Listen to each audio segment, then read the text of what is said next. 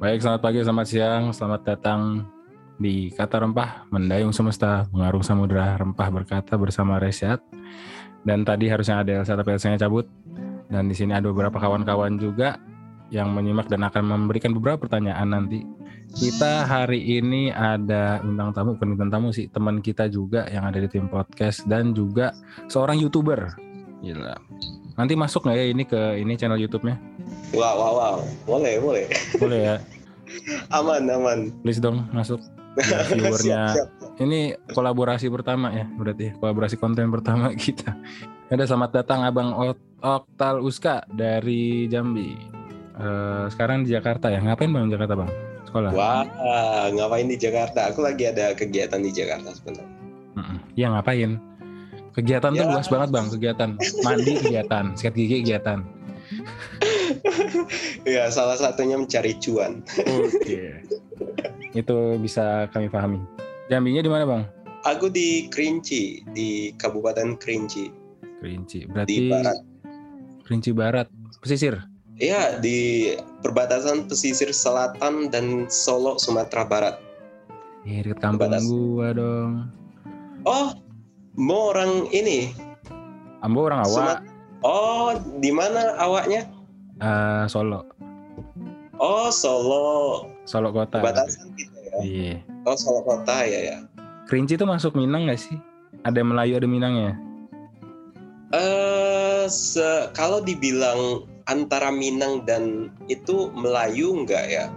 kalau yang aku lihat itu kalau Kerinci ini punya sesuatu yang spesial nggak sama dengan Minang akan tetapi karena dahulu itu kita kan uh, di bawah naungan Pagaruyung juga ya mm-hmm. sehingga ada kebudayaan-kebudayaan yang terbawa hingga ke kita seperti pakaian adat yang hampir mirip gitu mm-hmm. gak hanya itu tapi dari uh, segi apa ya dari segi silsilah kerajaan kita juga seperti ada nenek mama depati hmm. kan hampir Betul, sama gitu hmm. Itu pengaruh dari Pagaruyung pada zaman dahulu tapi dari ya.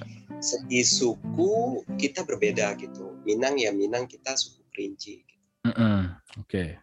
matrilineal juga iya ya. hampir mirip iya ya betul betul karena itu warisan jatuh kepada ibu ya kalau nggak salah. Harta adat ya, harta tinggi ya. Iya, mm-hmm. ya, betul. Harta tinggi jatuh ke ibu.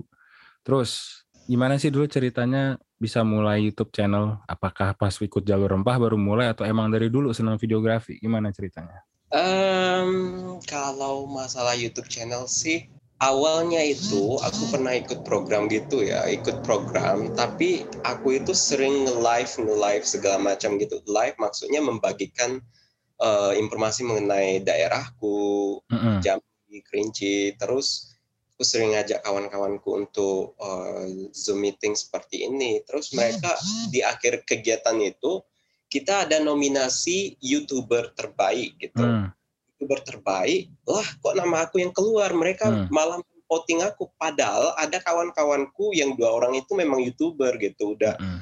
udah besar gitu ah kok aku gitu alasan mereka milih aku katanya ya kamu sering sering live kayak gitu terus sering berbagi informasi ya menurut kami udah youtuber seperti itu kamu harus membuat sesuatu uh, yang dapat membrand namamu katanya hmm. terus selain itu aku kan juga tertarik di bidang broadcasting ya. Hmm. Broadcasting uh, itu udah lama sih, udah sejak SMA aku udah tertarik terutama public speaking, terus uh-huh. uh, ya editing juga konseptor selain mac- segala macamnya. Tapi aku pernah apply apply uh, untuk ya sambil sambilan kuliah uh-huh. juga apply itu ya di televisi swasta di Jambi hmm Tapi aku ditolak, terus ditolak beberapa kali ditolak gitu. Wah, mm. kalau seperti ini aku hanya bergantung kepada yang namanya televisi, stasiun televisi atau radio dan lain sebagainya. Uh, bakatku nggak akan berkembang gitu. Betul. Kalau seperti itu, oleh sebab itu ya aku tuangkan aja ide-ideku, bakatku, kemampuanku di semuanya ya di YouTube ini. Yeah. Selain YouTube kan aku juga udah punya uh, website juga untuk YouTube ini ya ya harapanku memang supaya YouTube ini nggak hanya sebatas YouTube ya tapi menjadi media suatu saat aku ingin menjadikan ini sebagai media yang memang profesional gitu, Hmm. profesional untuk bisa memberi informasi maupun tayangan yang bermanfaat, inspiratif sesuai dengan slogan yang aku tuangkan, eh, saluran inspor- inspirasi menjangkau pelosok negeri itu sih.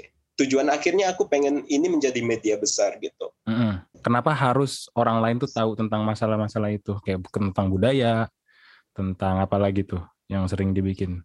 Oh iya, kenapa konten-kontenku ya spesifiknya mungkin seperti itu ya. Hmm. lebih eh, seperti aku mengangkat eh, beberapa budaya maupun tempat wisata. Hmm. Aku kan yang pertama itu yang di pertama aku pengen angkat. Aku juga punya cita-cita besar gitu. Kan Jambi ya, sekelas Jambi kalau disandingkan dengan Jawa Barat, Jawa Tengah, DIY, apa sih Jambi itu gitu? Hmm. Eh, ide pertama itu juga muncul dari situ. Aku pengen ini loh Jambi. Kita punya gunung berapi tertinggi di Sumatera bahkan Asia Tenggara. Kita punya kebun teh luas. Kita punya eh, kaldera tertinggi. Kita punya semuanya. Hampir semuanya kita punya gitu. Hmm. Nggak kalah dari daerah lain. Cuma kita belum punya brand. Dari Hmm. sana aku mencoba untuk membrand juga. Mudah-mudahan dari YouTube ini aku coba untuk membangkitkan beberapa tempat wisata, budaya tentang Jambi, itu aku angkat-angkat gitu agar orang kenal dengan yang namanya oh Jambi itu enggak sebatas pohon karet dan juga Bunda. ladang sawit aja gitu. Tapi Jambi itu punya candi eh, candi Moro Jambi. Moro. Jambi, ya. Iya, terluas di Asia Tenggara bahkan dunia kompleknya gitu. Kok enggak sepopuler Borobudur gitu Mm-mm.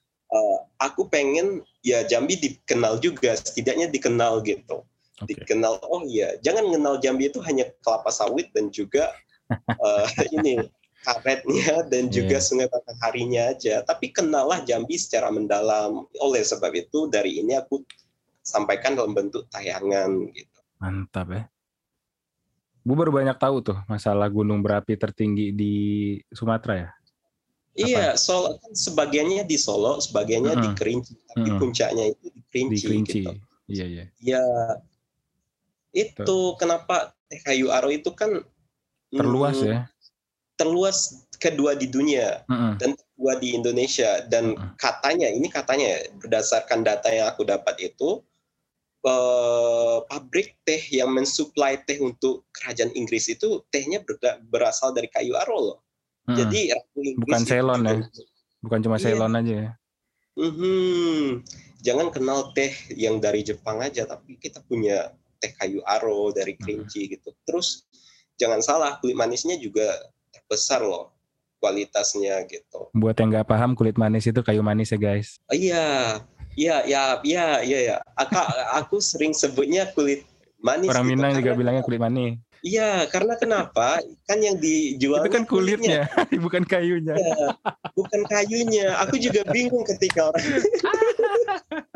aku juga bingung ketika orang itu "Ku- kayu manis, kayu manis. Ah, kayu Kalau manis. sebut kayu manis, aku kulit manis. Kecuali aku megang kayunya itu Iya. baru kayu manis gitu.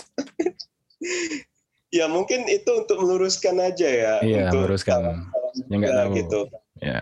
Iya, Terus kita perlu tahu juga. Iya, betul.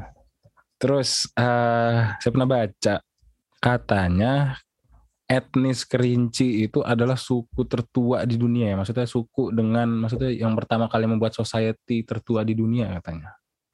Iya, iya berdasarkan penelitian ya, berdasarkan Hmm. penelitian salah seorang kalau nggak saya, saya sempat baca juga peneliti dari eh, Amerika itu pernah meneliti bahwa suku yang ada di Kerinci itu udah mendi- mendiami di Kerinci itu jauh lebih eh, tua daripada suku Inka di Amerika dan juga suku eh, yang ada di Amerika ya, suku Inka dan juga suku apa ya katanya, itu jauh lebih tua suku Kerinci itu jauh dua, lebih tua gitu. Mereka udah mendiami Kerinci jauh dari itu. Terus banyak sih bukti-bukti dari batu-batu megalitikum itu banyak bersebaran di Kerinci. Selain itu juga ada uh, geopark Merangin. Itu fosil-fosil tua di sana semua gitu. Di geopark Merangin itu banyak sekali temuan-temuan.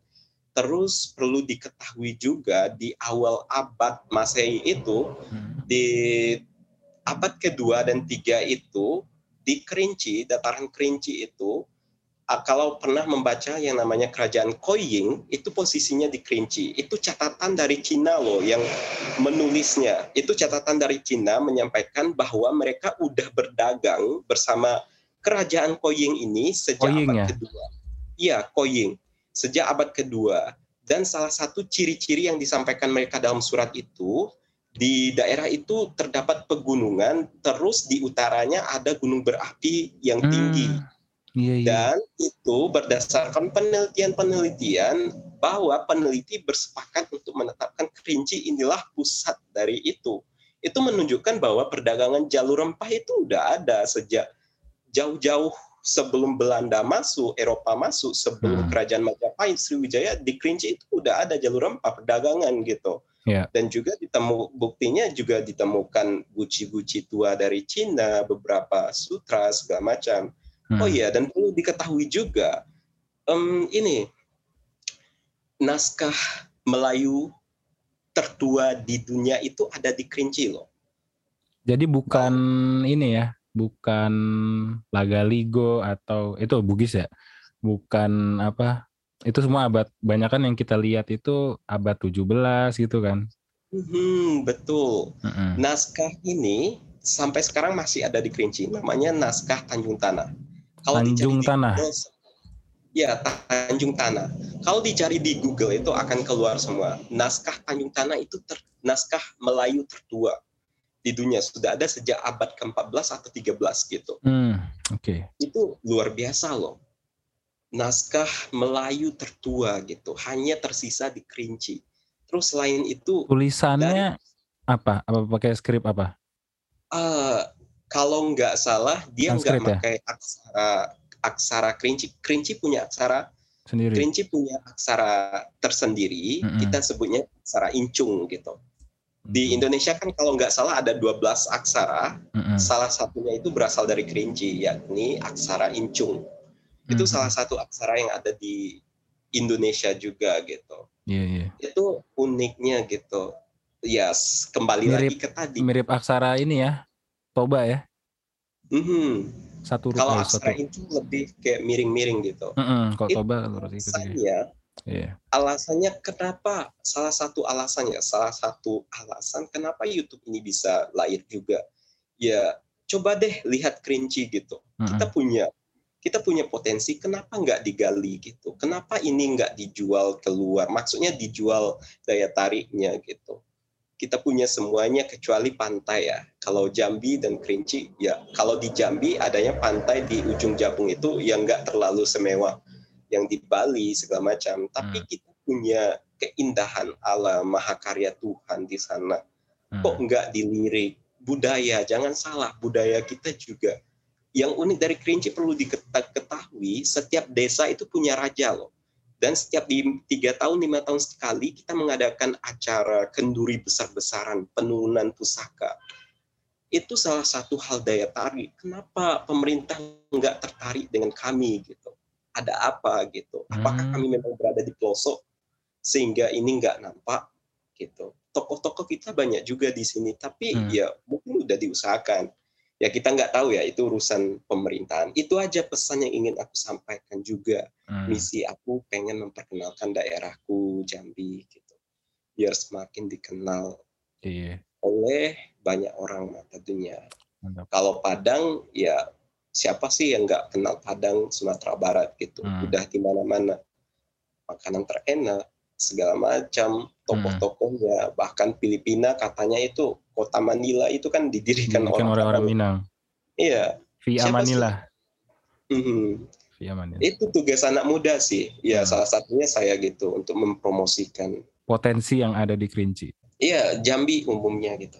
Jadi emang budaya atau peradaban di Kerinci itu udah tinggi banget sejak zamannya dan menurut saya perlu ada ini yang saya dari dulu pengen apa ya pengen ditengenin banget ke mungkin komunitas sejarawan Indonesia ya kenapa hmm. sejarah Indonesia itu dimulai itu cuma dari prasasti di Kutai. Hmm. Menurut saya sejarah Indonesia itu mulai dari lukisan-lukisan di goa. Iya. Harusnya betul. dari situ. Budaya bahari hmm. kita mulai dari situ gitu loh. Jadi kalau Iya. misalnya mulai dari Kutai sebelum itu semuanya prasejarah. Iya, semuanya hilang dong. Hilang. Maksudnya ya kayak nggak patokannya- signifikan gitu. Iya, patokannya tetap di Kutai. Apa pun ya semuanya di Kutai kan pokoknya nggak- Kurai. Jadi ibarat kata Indonesia tuh mulai dari Hindu Buddha gitu kan. Iya. Sementara sebenarnya peradaban tinggi kita mungkin ada di belakang sana. Iya di pelosok-pelosok sana kita Iya. coba coba lihat banyak loh daerah-daerah pelosok yang punya peninggalan peninggalannya luar biasa yang patut dikaji. Gitu. Mm-mm. Itu sih yang perlu direk bilangnya apa ya? Rekontekstualisasi sejarah Indonesia. Mhm. Dan kita tahu ya bahwa Sriwijaya itu kerajaan salah satu terbesar ya Mm-mm. yang ada di Nusantara ini. Tapi ya tetap aja ya maksudnya Sriwijaya katanya berada di Palembang, tapi perlu diingatkan gitu. eh, peninggalan terbesar Sriwijaya itu berada di Jambi, Muaro Jambi. Muaro itu. Jambi, betul. itu adalah salah satu universitas tertua di dunia katanya. Karena di Nusantara dulu sebelum orang menuntut ilmu ke Nanendra India, mereka harus nuntut ilmu di Sriwijaya dulu, nggak bisa ke Nanendra langsung gitu. Itu merupakan pusat pendidikan terbesar di Nusantara dulu. Itu perlu diingat juga gitu. Sriwijaya pernah berjaya, ya harusnya tempat-tempat di mana dia melakukan aktivitasnya juga perlu diangkat lebih deh. Untungnya untuk saat ini pemerintah udah mulai peka sih beberapa udah mulai Muaro Jambi itu udah mulai di ya dipercantik segala macam gitu. Jadi nggak terfokus ke satu aja gitu. Kasihan dong aset bersejarah Sriwijaya di ya begitu-begitu aja setiap tahunnya kasihan gitu. Sedangkan aset-aset yang berada di misalnya di Jawa Tengah atau di daerah lain semakin hari semakin cantik. Yang Hmm. kasihannya Jambi gitu. Itu sih. Ya mudah-mudahan sih semakin hari semakin diperbaiki. Iya, iya. Amin. Terus masalah budaya Melayu nih, Bang. Mhm, Budaya Melayu ini kan kuat di seni tutur ya. mhm. Kalau di Kerinci sendiri seni tuturnya apa aja, Bang? Ah, kalau seni tutur kita, kita dalam bentuk tale. Mm-mm. Kita punya yang namanya itu kesenian tale. Mm-mm. Tale itu eh, terbagi beberapa lagi bagiannya. Mm-mm. Itu ada tale. Kalau orang pergi naik haji, Mm-mm. jadi petale itu orang yang menyanyikannya atau mentalekannya. Syairnya itu ya. Mm. Eh, itu dalam bentuk pantun, cuman diiramakan. Mm. Eh, terus orang naik haji kita punya tale itu. Mereka Hmm. menyampaikan wah rasa bangga mereka terhadap orang yang pergi haji. Terus mereka menyampaikan pesan tolong eh, lambaikan tangan untuk kami supaya kami juga bisa mengikuti Mm-mm. langkah kalian gitu. Mm-mm. Terus ada tale nasihat perkawinan. Ketika orang nikah itu ada tale biasanya itu eh, tale-tale sedih gitu ya. Maksudnya misalnya misalnya ya eh, si A ini dari keluarga si miskin, si B ini yang istrinya yang kaya gitu. Jadi orang tua si A ini ngasih nasihat kepada anaknya jangan banyak tingkah. Kita ini orang nggak berada segala macam Mm-mm. seperti itu. Mereka meng- mengibahkan diri segala macam. Terus ada tale nuai. Nuai itu orang apa? eh, panen ya, orang Mm. panen. Mm. Terus ada juga eh, tale curhatan. Mm. Terus ada juga taleran tak kudo. Banyak sih. Kalau setahu saya itu yang umum lazim yang aku dengar gitu. Karena nenek saya juga s- bukan se, apa ya? Oh iya penggiat seni lah, seni, seni tale yang Mm. memang bukan ahli, tapi beliau juga sejak gadis itu udah menekuni yang namanya tale kerinci beberapa jenis itu. Jadi aku juga sering ngeliput beliau gitu. Gitu sih. Dari dari nen- nenek manggilnya apa? Atuk. Eh, Atuk pula. Eh, Iya nenek Nina. Kalau bahasa kami itu Nina. Nenek eh, belajar dari mana? Diturunin dari siapa? Eh, kalau nggak salah ya, yang aku dengar cerita dari beliau, Mm-mm. beliau itu karena kes, orang dulu ya, orang dulu Hmm. itu kan masih kental sekali budaya segala macam gitu. Iya. Saking kentalnya itu, ketika beliau misalnya lihat sebuah eh, acara adat pernikahan, Setelah acara adat itu pasti ada dikasih untuk menyanyikan tale tadi, syair Hmm. tadi. beliau karena keseringan keseringan melihat itu jadi beliau itu bisa sendirinya gitu dan malah menjadi sebuah pro, profesi ya hmm. karena um, kalau setiap orang mau naik haji itu kan uh, kenduri itu kenduri. yang hmm. yang mau berangkat itu pasti kenduri hmm. dan pasti ada itu syair itu tale itu yang hmm. disampaikan gitu jadi orang mengundang beliau gitu untuk menyanyikan tale itu tale naik haji itu jadi setiap tahun tuh ada ada misal perkawinan pun ada gitu pas pesta perkawinan ya maksudnya hmm. ya sayangnya dua tahun ini yang udah COVID. seperti bukan pensiun ya tapi iya. Nggak bisa gitu. Iya karena oh, itu. keadaan. Ya orang naik haji siapa yang naik haji? Itu sih syair kalau dari yang Kerinci ya kalau di Jambi secara umum itu banyak. Ada syair dideng ada syair krinok juga banyak sih kalau di Jambi ada beberapa gitu. Itu isi isinya lebih ke curhatan sih yang kalau aku tahu ya. Dideng pun curhatan. Laskar Jam Laskar Empah dari Jambi yang perempuan si hmm. Nanda itu bisa ngedideng oh syair dideng itu suaranya bagus banget tapi emang paling banyak itu kalau orang Minang juga Rabab juga paling banyak emang curhatan sih iya. karena yang paling merakyat ya itu kalau bisa kata bahasa kalau lagu lagu orang Betawi bilangnya lagu sayur Mm-hmm. Nah, kalau yang lagu dalam itu udah jarang gitu yang maksudnya bener-bener syairnya harus begitu dan harus di acara apa itu jarang yang tahu. Cuma kalau yang mm-hmm. curhat-curhatan gitu kan ya kayak lagu pop lah itu Iya, karena kalau curhatan ya kayak lagu Minang itu nusuk banget loh kalau kita. Aku aja bukan orang Minang ketika mendengar lagu Minang itu sedih loh dengarnya gitu. Oh terkenang jok kampung halaman. Hmm. Seperti itulah gitu. Yeah. Ya mungkin dari itunya ya. Hmm, intonasi apa ya istilah dalam musik mungkin mau lebih paham ya. Lebih yeah. bisa membawa kita ke ya tersentuh Bukan, itu namanya walaupun kata-katanya bagus tapi pembawaannya nggak sesuai ya nggak kita nggak tersentuh gitu. Ya, ya, ya. Terus apa fakta fakta Jambi lagi kita ngomongin masalah makanan deh.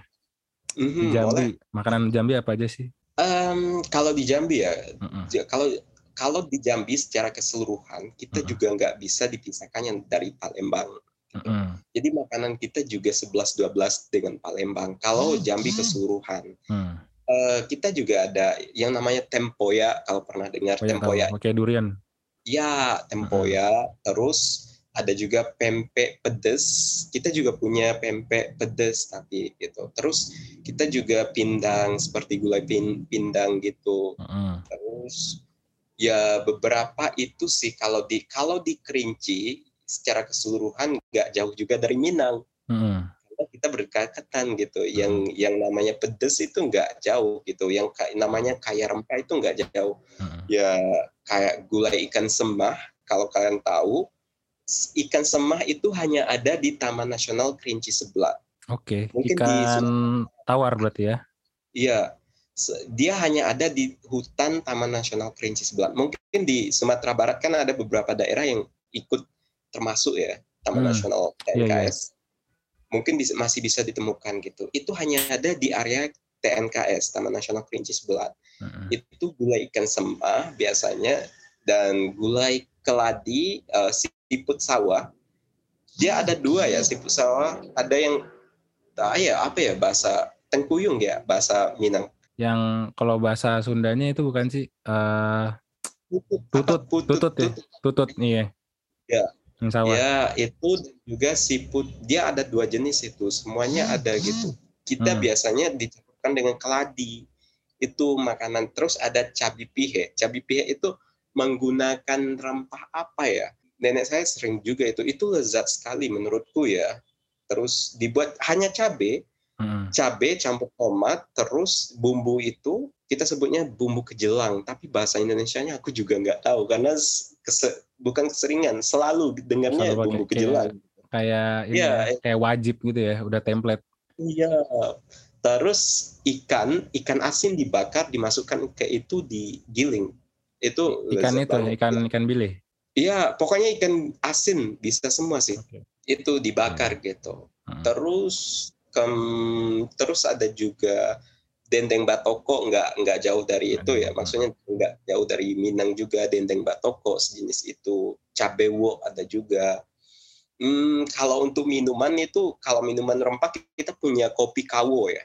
Kopi kawo itu Apa mungkin nggak jauh juga Apa tuh? kopi kawo itu kita pembuatannya di tempurung ya. Terus Tempurung ini apa nih? Kelapa. ya Oke. itu disajikan di sana. Terus kalau untuk bahannya itu dari daun kopi yang di seperti didiamkan beberapa hari Oh, jadi iya, udah iya. mengering. Hmm, daun kopi ya. Eh, jadi dimasukkan direbus ke dalam itu ke Hmm. dalam apa nama di eh, wajan gitu Hmm. dicampurkan dengan kopi kulit manis biasanya kulit Hmm. manis sih yang sering aku punya kok kulit manis ah, seperti ini Utuh-utuh ya kayak masuk gitu. ya. Bukan Iya, dimasukkan. diparut ya.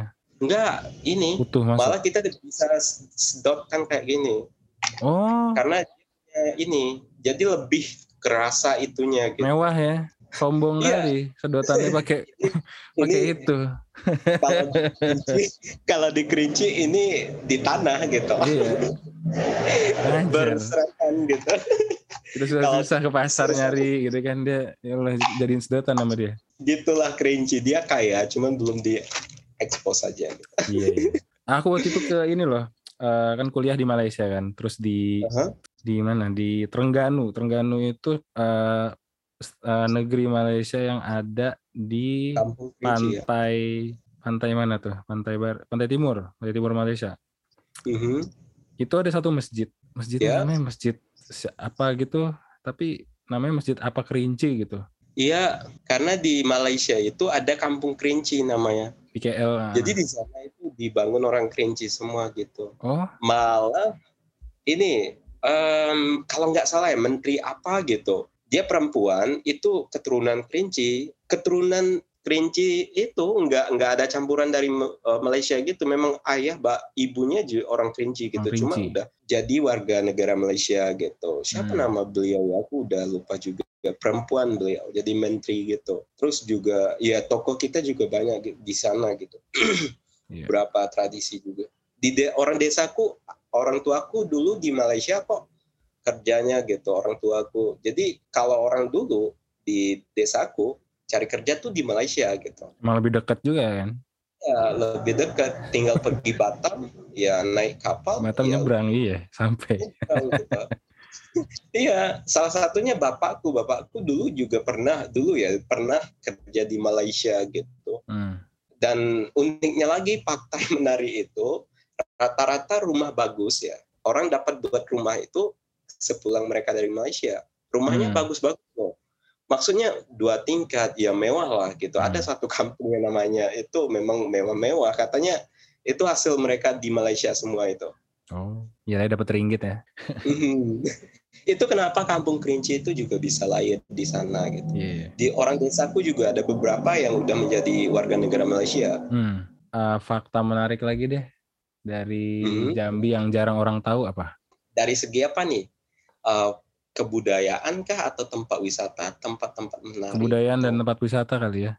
Dua Oh, itu. boleh ya, bebas ya. Hmm. Kalau yang menarik, kalau dari umum ya, kita tahu Sungai Batanghari ya, salah Hmm. satunya itu salah satu keajaiban loh, menurutku.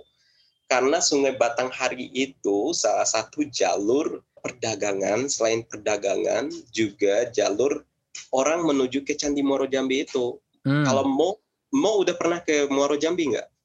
belum, belum pernah. Belum. Kalau mau lihat Candi Muaro Jambi itu, Muaro Jambi itu persis berada di Nempel di tepi sungai kan? Iya.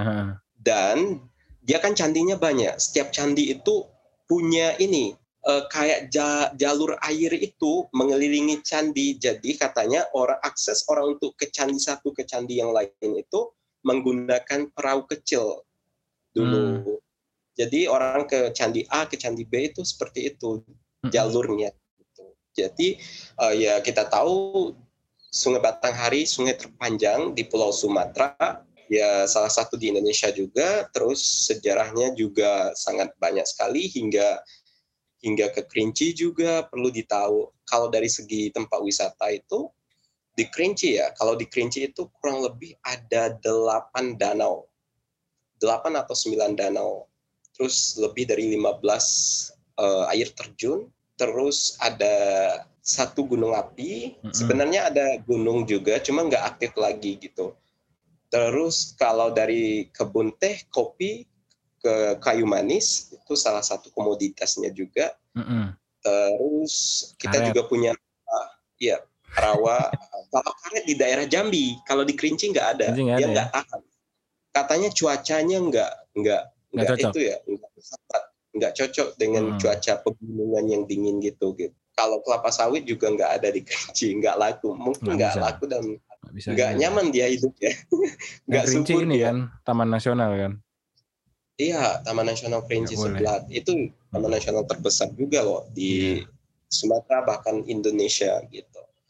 Terus kita juga kalau hmm, ke Kerinci katanya ya, ini katanya ya, kalau ke Kerinci itu nggak cukup 3 4 hari, 5 hari untuk keliling semua Hmm. tempat wisata.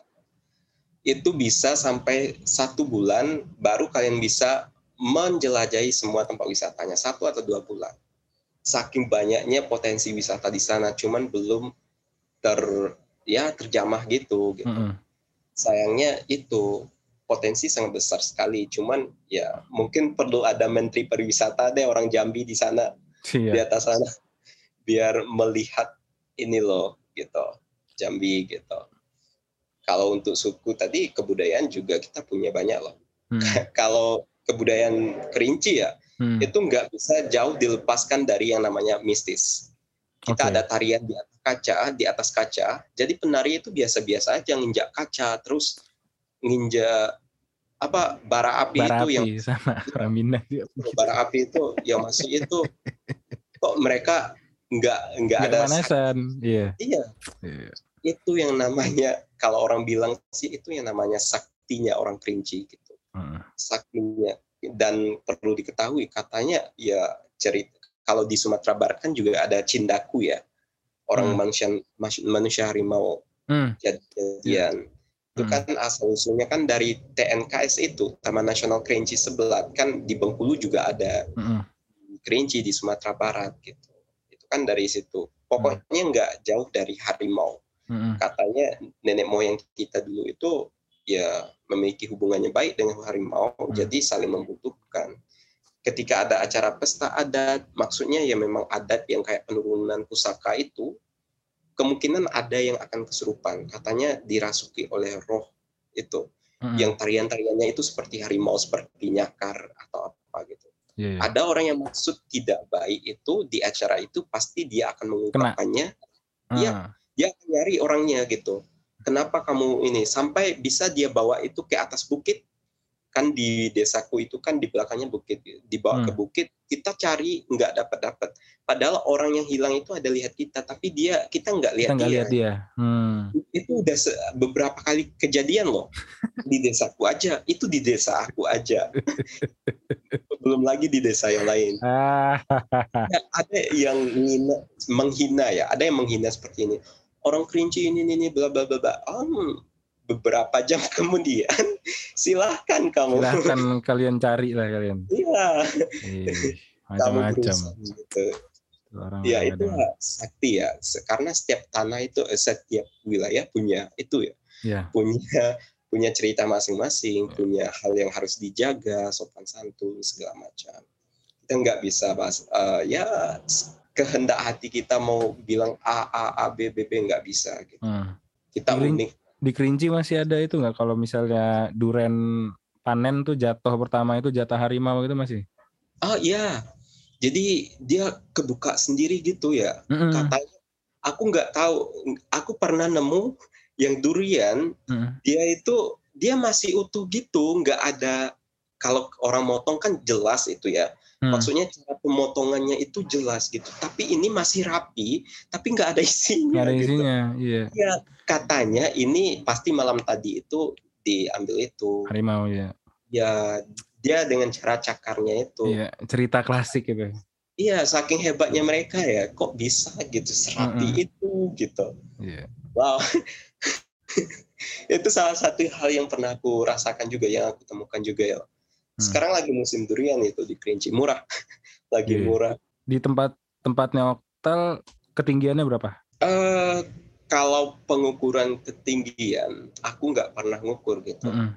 Tapi Suhu Tapi- suhu harian deh berapa? oh suhu harian, kalau suhu harian itu kalau nggak salah ya 20 20 atau sampai 23 gitu.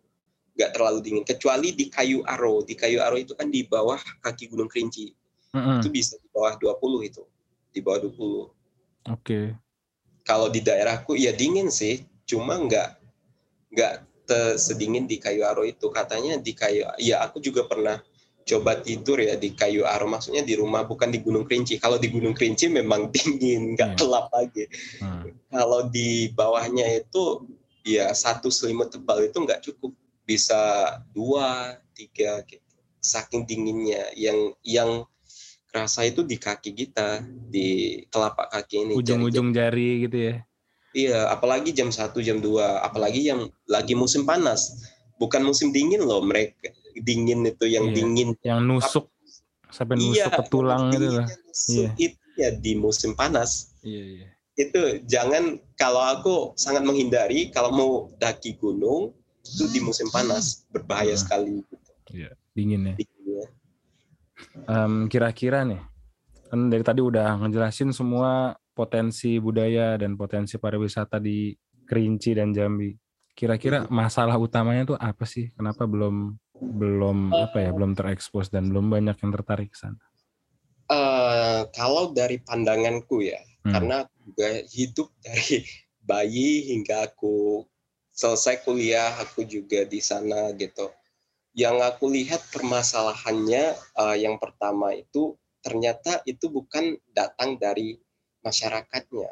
Heeh. bukan datang dari masyarakatnya yang nggak mau menerima orang ya orang Indonesia pasti welcome semua ya rata-rata termasuk orang Kerinci juga welcome terhadap turis bule segala macam. Tapi yang aku lihat itu kenapa belum juga Kerinci bisa eh, seperti Jawa Barat Jawa Tengah Bali.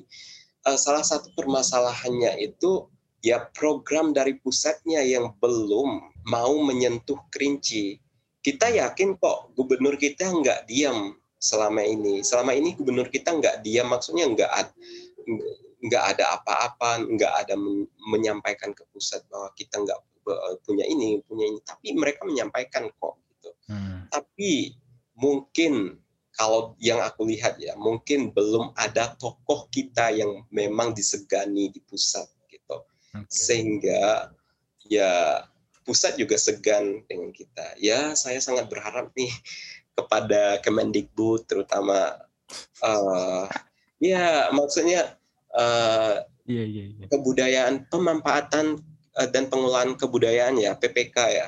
Hmm. Jalur rempah ini ya mungkin bisa digali lagi deh tentang kerinci gitu. Ya. Potensi kebudayaan dan juga rempahnya. Kita nggak kalah.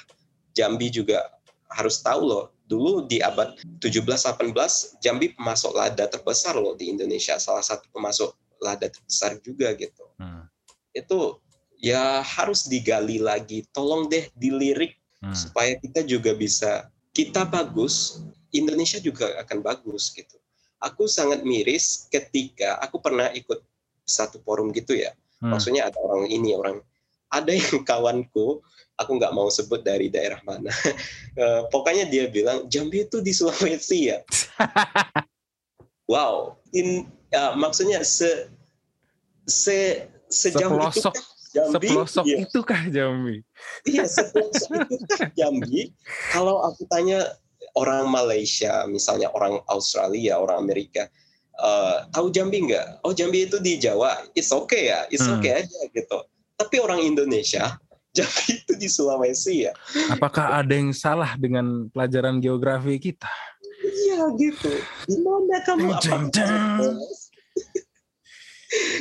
Jadi aku juga pak ngejelasin kayak kawan-kawanku ya kawan-kawanku baik yang di Indonesia maupun dari yang luar gitu. Aku juga sampaikan kita tuh punya potensi ya di tadi seperti program tadi aku juga sampaikan setiap program itu aku membuat diriku unik karena aku menyampaikan hal kayak gitu hmm. perlu diingat loh hmm. dari hal yang sepele itu kita membuat diri kita unik aku hmm. biasanya yang pengalamanku di program sebelumnya aku itu di ibaratnya uh, brand aku naik itu ya aku bisa unik dari itu aku memperkenalkan daerahku yeah. gitu aku unik jadinya menurut orang kok orang ini seantusias itu ya pengen memperkenalkan hmm.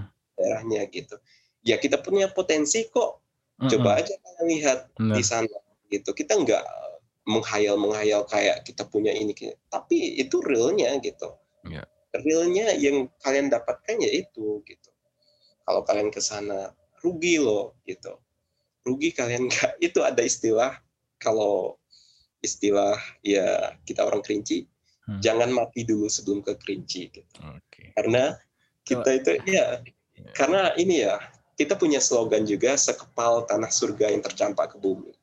Mm -hmm. Ya betul. Coba berdiri di kebun teh dengan pemandangan gunung kerinci itu wow megah banget serius. Mm -hmm. Coba deh ya, bukan aku mau itu ya ya kita tahu ya Bali udah terkenal. Yeah.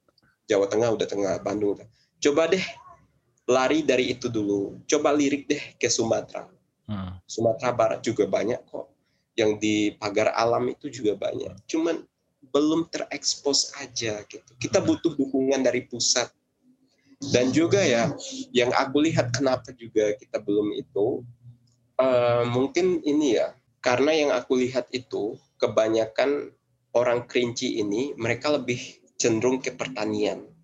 Cenderung ke pertanian jadi nggak ingat loh gitu. Mereka nggak ingat lagi dunia nggak terlalu ingat dunia luar bahwa oh ternyata kita butuh untuk komunikasi untuk menyampaikan ini ke luar gitu ya karena mereka hidup di sana udah terbiasa dengan keindahan itu jadi biasa ya jadi yeah. mereka nggak iya. sadar yeah. bahwa ini loh indah loh bagi orang kota gitu yeah. ini sangat menjual loh yeah. gitu itu yang misi harusnya anak muda Jambi miliki kita harus jual ini ke luar supaya investor-investor itu ngelirik gitu untuk memperbaiki yang ada di Jambi ini itu sih intinya. Kalau Uska sendiri kapan kapan tersadar kalau misalnya wah ternyata tempat saya ini indah ya?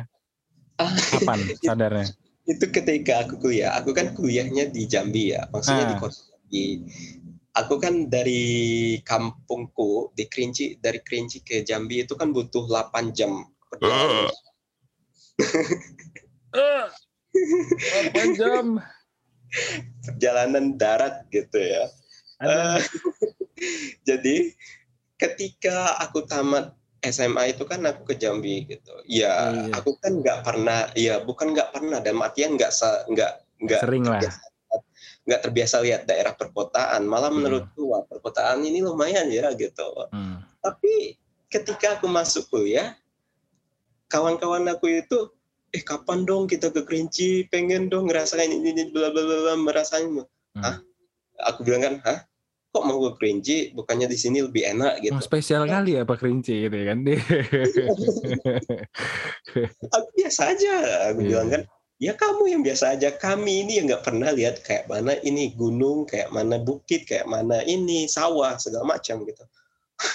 Dari situ aku baru sadar aku coba lihat-lihat lagi ngelirik foto-foto oh iya ya oh iya ya di sini wow iya ya. Kalau aku foto di sini nampak gunung nampak danau nampak ini sawah kok di sini nggak ada yang kayak gitu ya gitu. dari sana aku sadar gitu oh ternyata selama ini aku hidup ibaratnya aku hidup di surga loh gitu ibaratnya mm -hmm.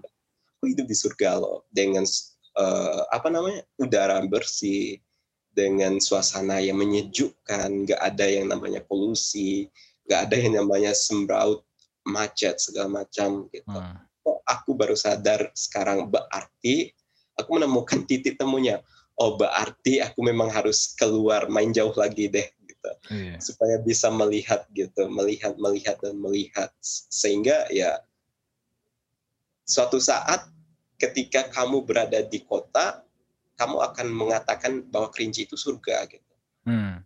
Dulu ya bukan kamu, dulu kamu bilang Kerinci itu nggak ada apa-apanya. Tapi sekarang coba deh kamu merantau dua tahun tiga tahun, kamu lihat lagi Kerinci, itu tanah surganya kamu.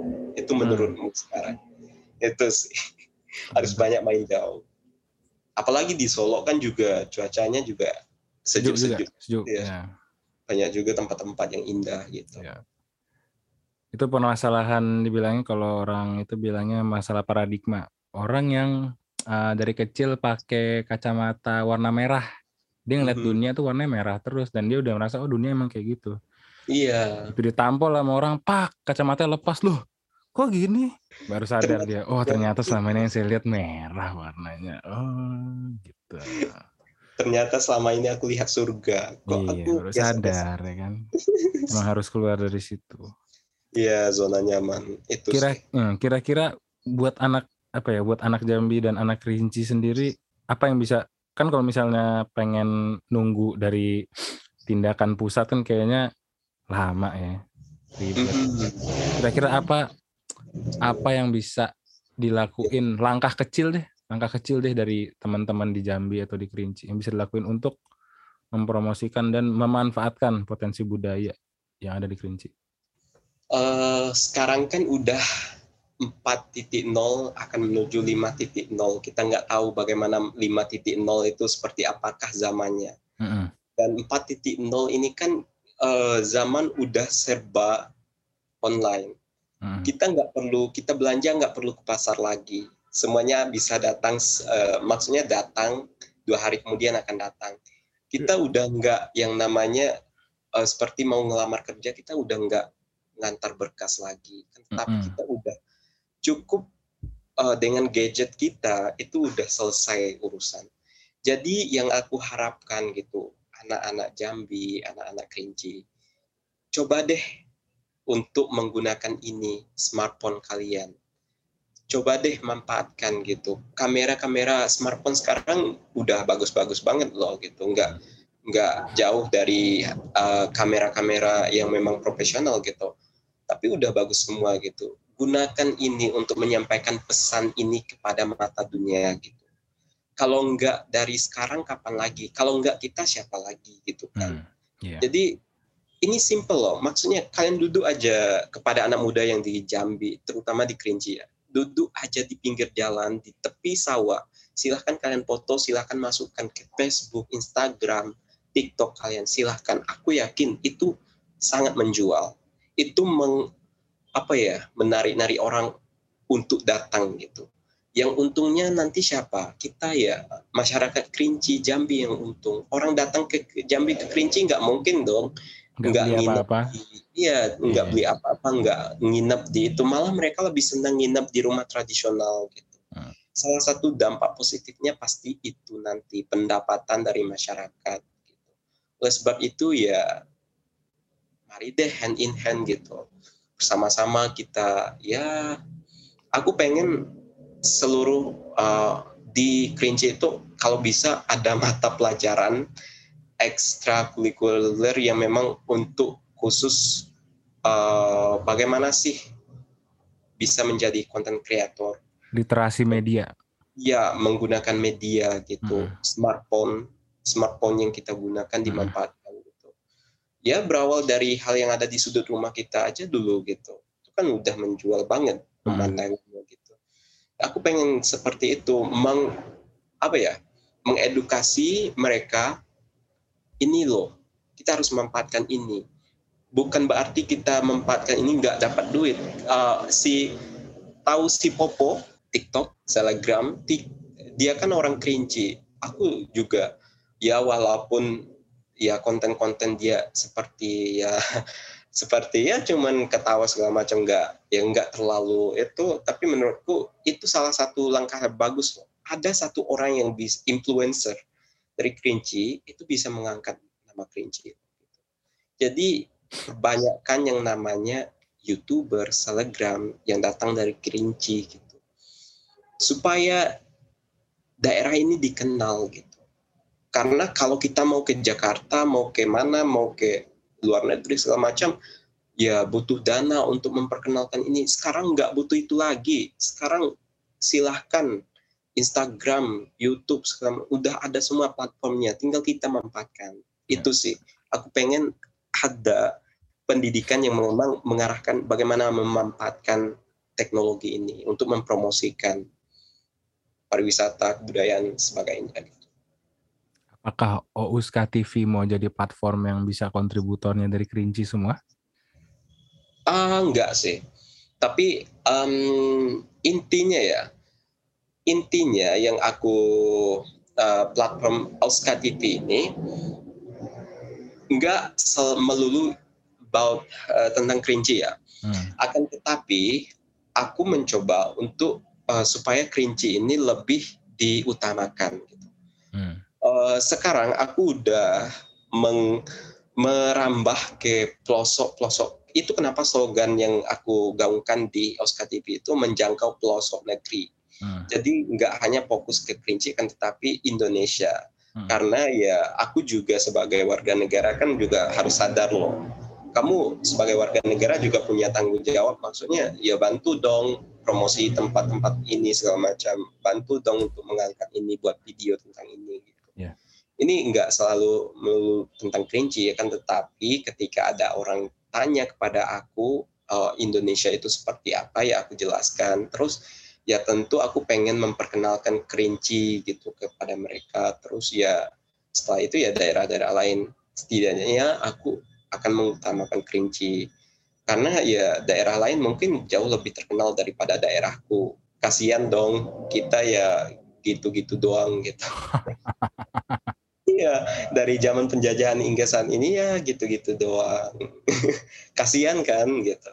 Tapi itu sih intinya aku pengen ya ini loh Jambi ini loh Kerinci gitu. Kita punya potensi. Tinggal bagaimana kita dilirik lagi gitu. Mudah-mudahan ada yang lirik sih. Semoga dari podcast ini juga bisa menyadarkan teman-teman, terus habis itu menggali potensi juga. Mungkin ini start eh, ini ya, start pertama kita bakal keliling ini sih. Kita bakal keliling tiap provinsi, kita wawancarain laskar-laskar buat menjadikan kata rempah ini buat promosi daerahnya juga. Kita berharap Mhm. bisa terjadi itu juga. Iya betul. Mm-mm. Ya itu bagus loh. Aku sangat setuju hal yang kayak gitu. Karena kenapa gitu? Karena setiap daerah itu punya keunikan masing-masing. Kasihan loh, nggak ada platform yang ya mungkin ya kita coba lihat di misalnya di Instagram apa gitu kan berita-berita. Ya berita-beritanya seputar di di Jakarta atau di Jawa Barat atau di kasihan loh ada berita yang jauh lebih bagus mungkin lagi lebih menjual yang ada di misalnya di Kalimantan Sulawesi di Sumatera gitu. Coba dah deh dirambah lagi di lingkungan-lingkungan itu. Seperti ini kan juga kalau nggak ada pertemuan kita malam ini mungkin ya nggak ada perbincangan tentang kerinci gitu. Hmm. itu yang aku pengenkan juga gitu. Biar merata gitu. Orang tahu Indonesia itu merata. Maksudnya ya nggak melulu Bali loh.